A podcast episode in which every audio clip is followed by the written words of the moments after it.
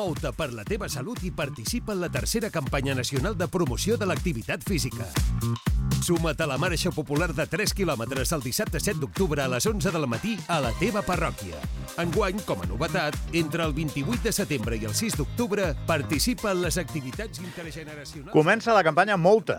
És una campanya que promou el govern d'Andorra a través del Ministeri de, de Cultura i Esports. Tinc aquí el secretari d'Estat d'Esports a l'estudi, Elen Cabanes, bon dia. Bon dia. I tinc també a la secretària general de l'Institut Andorrà de la Dona, Montserrat Ronxera, bon dia, Bon dia. que repeteix. Crec que Montserrat és la primera, que, és la primera que repeteix uh, dels meus convidats. Gràcies per venir. No, Em fa molt feliç que algú vulgui repetir, perquè vol dir que pot tornar a venir. Que això és, és, la prova vivent i empírica, que això pot succeir. Us esteu demanant, escoltàvem una falca que heu vist a la, a la tele ja uns quants cops, què és Moute? Moute és una campanya molt ambiciosa. Eh? Eh, És una campanya que arrenca avui i acaba el 7 d'octubre. Podria ser que l'associéssiu el que passarà el 7 d'octubre només, perquè el del 7 d'octubre estarà molt bé, molarà molt, és una marxa popular a totes les parròquies, simultània, a les 11 del matí, però us equivocaríeu perquè són més coses. Hi ha un munt d'activitats, que no les puc dir totes perquè són un munt, que comencen avui, que també estan repartides per tot Andorra i que són molt diverses. I totes són per promoure que us mogueu, que, que feu activitat física i que espavileu perquè el sedentarisme no mola, no, no està bé. Sedentarisme caca, vale? no, no us va bé el sedentarisme. I a part també hi ha un punt que per això està aquí la Montserrat i no només l'Helent, i és que les samarretes de la marxa, que costen 3 euros, o les samarretes de la campanya, que, que costen 3 euros, tenen totes un eh, ús benèfic i van a parar a l'Institut Andorrà de la Dona. Per què? Doncs perquè resulta, jo no ho sabia, això, que els homes tenim més atacs de cor que les dones, però les dones eh, acaben tenint conseqüències més greus d'aquests atacs de cor. No tenia ni la menor idea, jo, eh? Sempre havia sentit que els homes són més propensos als atacs de cor, però no que les dones tinguessin conseqüències més greus. I per això, doncs, a través de la iniciativa Escolta el teu cor, eh, els diners aniran cap allà. Ho he explicat bé? Fantàstic. Vale. Doncs ara us toca a vosaltres. Uh, lo primer, Montserrat, no, Sí. ja ho he dit tres vegades, però hi, hi torno, no tenia ni idea d'això. Sí, bé, és una informació que s'ha treballat a nivell internacional, eh, realment. Vull dir, s'han fet campanyes eh, a França, a Espanya, a Estats Units, al Canadà, perquè sí que és veritat que la primera causa de mortalitat femenina normalment acostumen a ser car accidents cardiovasculars, i Andorra també. La primera causa de mort de les dones és accidents cardiovasculars. I llavors, el, quan es parla concretament de lo que és l'infart, doncs eh, la simptomatologia de les dones no és ben bé la mateixa que la dels homes. I fins ara, doncs, sempre que s'ha donat, doncs, eh, s'explica quan un home té un infart, doncs, que té un dolor que li va cap a l'espatlla, eh, en fi, que pot tenir algun tipus de molèsties, quan en realitat les dones és els, els símptomes són una mica diferents. Uh -huh. Poden ser doncs, simplement com un malestar digestiu o com un atac de- de- de- de- d'estrès o d'ansietat. No són Bastant. tan alarmants, potser. No són tan alarmar, alarmants i després les dones el que diem, que també són valentes, que de bé que ho digui. No? Més- més veritat, és sofertes, veritat. potser. Són més sofertes i tenen tendència a esperar més. I llavors què passa? Doncs el temps que arribin, a, bueno, en aquest cas a, a, a l'hospital, a Andorra, que diguin el que hi hagi el codi IAM, que és un codi d'urgència, quan arriba una persona amb, amb, amb, amb un infart, doncs és, és, és, eh, és el que dona tota la urgència, diguéssim, a lo que és el tractament d'aquesta persona, doncs aquestes sovint arriben tard. És a dir, es moren. I aquests 3 euros, Helena, a què els dedicarem? Doncs aquests 3 euros justament ens, eh, són, és, és una aportació solidària directament a l'Institut Andorra de les Dones a, en, en base a aquest projecte. Eh? Eh, per nosaltres és molt important, evidentment, com comentaves tu abans, de que la gent es mogui, però també és tan o més important que associar aquestes campanyes de promoció de l'esport amb, amb projectes solidaris com aquest. Molt bé. Eh, és molt ambiciós, això, Helena. Sí, perquè hi ha molt, molt, molta activitat, no? Eh, La gent, quan diu que vol encertar, acostuma a centrar-se més en, en un punt i llavors, si, si dispares en aquell punt, llavors tens més possibilitats. Aquí el que volem és que això sigui com una festa nacional, però gens... Eh, gent concentrada, no? És, és com molt local de cada lloc de cada lloc d'Andorra, no? Com, com, ha, com s'ha fet aquesta idea? Aviam, el, el Moute neix, és la tercera campanya, neix el 2021, fruit una mica de la pandèmia, on eh, es desaconsellava fer justament esdeveniments multitudinaris no? en, en, un lloc, en un sol lloc. I en aquell moment es proposa doncs, reemplaçar la cursa popular, que ja portava doncs, uns 10 anys existint, eh, per, aquesta, per al Moute, poder separar la gent i cada parròquia crear una marxa popular. Doncs aquesta és la primera campanya, però sí que amb els tres anys ha anat evolucionant i el concepte ja no és que un dia a l'any la gent camini 3 quilòmetres. També el concepte és que la gent prengui consciència de que ens hem de moure, no? I perquè prenguin consciència amb la col·laboració molt important dels, dels diferents comuns, doncs aquest any s'ha proposat eh, activitats diverses en cada comú per, per ampliar una mica aquesta consciència d'activitat física. Està molt bé l'anunci, que bueno, l'espot que, que hem vist a la tele tots, perquè t'apareix un atleta d'èlit i al mateix temps t'apareix una professora de zumba o algú que és un atleta discapacitat. O... Vull dir que això va per tothom, no? Eh, Montserrat, vostè fa 3 quilòmetres cada dia o no? No. Ja m'agradaria, ja m'agradaria, però ara no. Va haver una època que sí, però ara... I per què no? Mm, perquè tinc molta feina.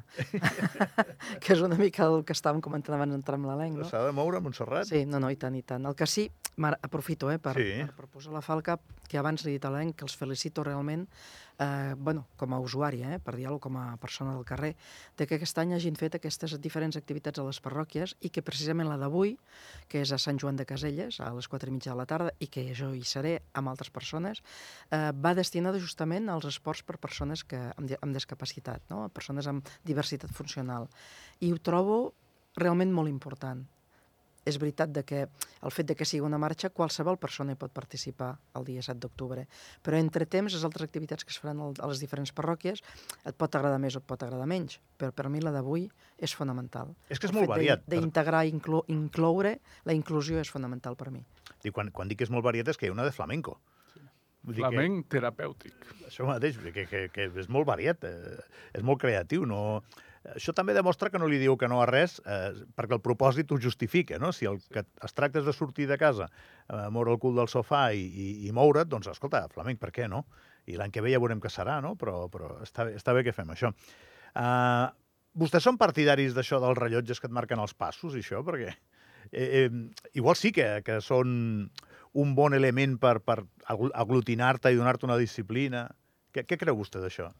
Jo crec que tota eina que ens faci prendre consciència de, del que fem físicament, doncs benvinguda, no? Uh, hi ha gent, i ho comentava l'altre dia, uh, els joves, els més petits, uh, ja ho tenen incorporat, o ja ho teníem també nosaltres incorporat, de que no parem quiets, uh, al pati de l'escola, educació física, activitats extraescolars, les vacances acabem fent eh, activitats esportives, doncs cada vegada, quan ens anem fent més grans, per ocupacions, temes laborals, doncs acabem aparcant una mica aquest tema, no? I per això que és bo prendre consciència de, de que tenim espais al dia, pot ser al migdia, pot ser més tard al vespre, per, per fer activitat.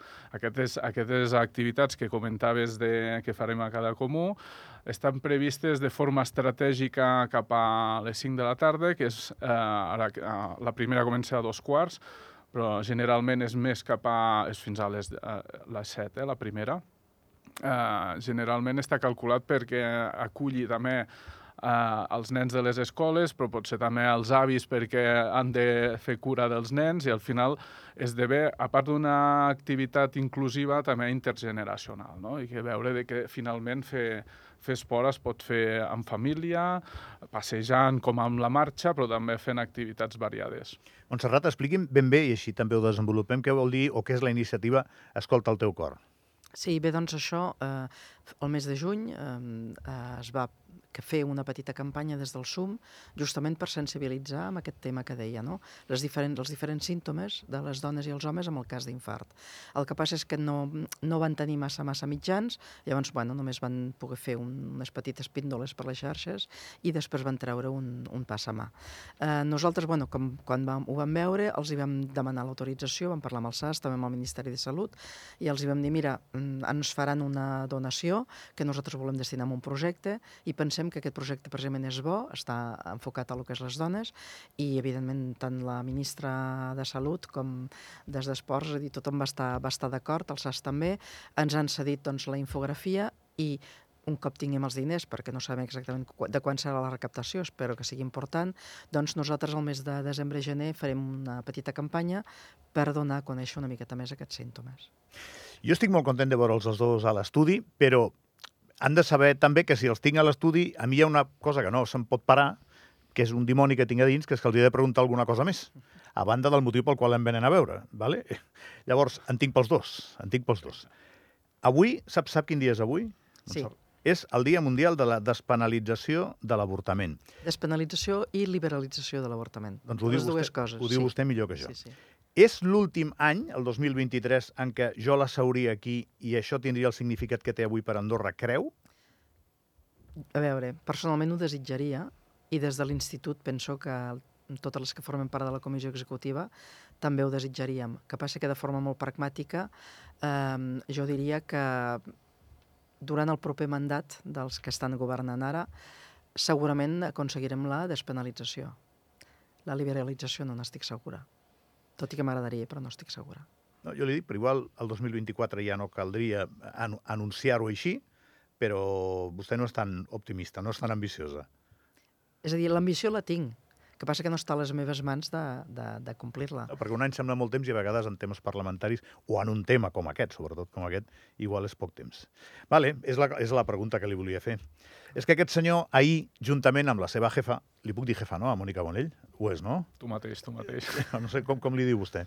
Ministra. Ministre. La ministra Mònica Bonell eh, i el secretari d'Estat d'Esports, Alen Cabanes, van reunir suposo que totes les federacions i entitats esportives que tenen relació amb govern, per explicar-los i exposar-los els quatre anys eh, que venen al pla estratègic en moltes coses diferents. No, no, no, no sé si s'estila això o si s'estilava abans. S'ha fet darrerament? No? O és un acte que han volgut fer vostès per marcar una mica de segell? Aviam, mmm, jo crec que el que ens pot definir tant la ministra com, com jo mateix és que volem ser i, i crec que ho som, els pocs mesos que hem començat, molt propers a, a tot nivell. O sigui, tant, eh, hem, hem engegat diferents eh, reunions amb presidents de federacions, directament, amb becats, amb esportistes, amb pares, amb, o sigui, una mica tothom per poder donar un missatge directe i no per correu electrònic que a vegades acaba doncs, confonent a la gent. No? I, I aquesta manera de convocar les federacions i presentar les línies crec que és molt acertada, perquè al final eh, també els que han vingut, que van ser bastants, eh, doncs han rebut un missatge molt clar de cap on anem mm, i han pogut fer les preguntes que consideraven necessàries. Vostè ahir va dir, perquè les coses que diu algú que té responsabilitat política floten, que el mes de juny de l'any vinent es començava a substituir la gespa natural de l'estadi nacional on està jugant el Futbol Club Andorra per gespa artificial perquè el torni a utilitzar el rugbi. Si això és així, això vol dir que el Futbol Club Andorra l'any que ve no juga aquí. I on juga? Bona pregunta. Doncs eh, sí que vaig comentar aquest tema, i és un tema bastant maco de, de, de comentar. Eh, eh, un petit matís, es canvia la gespa artificial i no solament perquè jugui el rugby. L'estadi nacional és un estadi públic i que està obert a que, que ho pugui utilitzar qualsevol federació i club esportiu.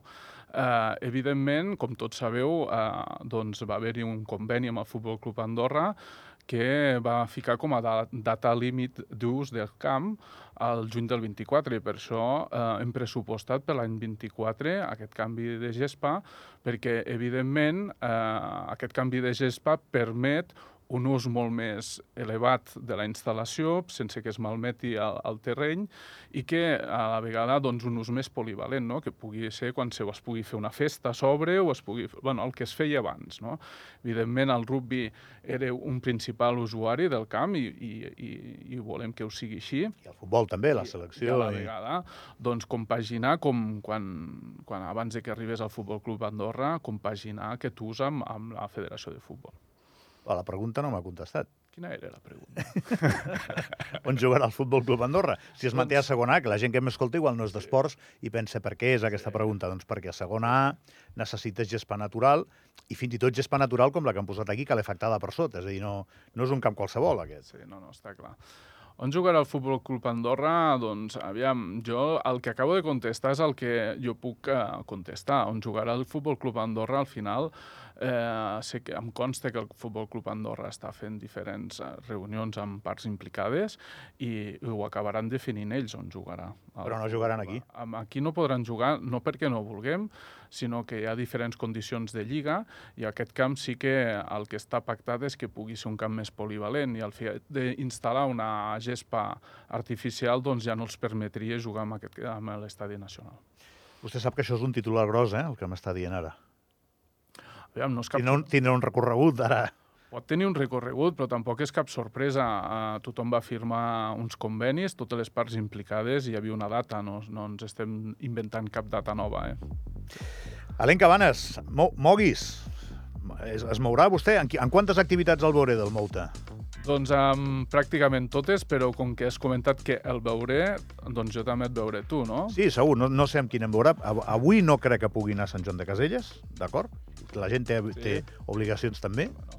Uh, avui les tinc familiars, però... El flamenc, potser, El 7 d'octubre ja hi pot comptar el flamenc, per què no? M'hi veu o què? Sí, totalment, totalment. Vestit de cordobès. Però escolti, igual sí, per què no? Igual és el que més em, em faria gràcia. No he ballat mai flamenc. Vostè, Montserrat? No, no, jo tampoc. I serà el dia? En el dia del flamenc no. Miri, si va vostè, va jo. Sí, però precisament aquell dia no, no puc. Ja m'he organitzat per anar a Sant Joan de Caselles i en camp. Molt bé. Montserrat Ronxera, gràcies per venir, eh? Tu per convidar. I, I gràcies, Alen, que vagi molt bé. Parem, el programa continua.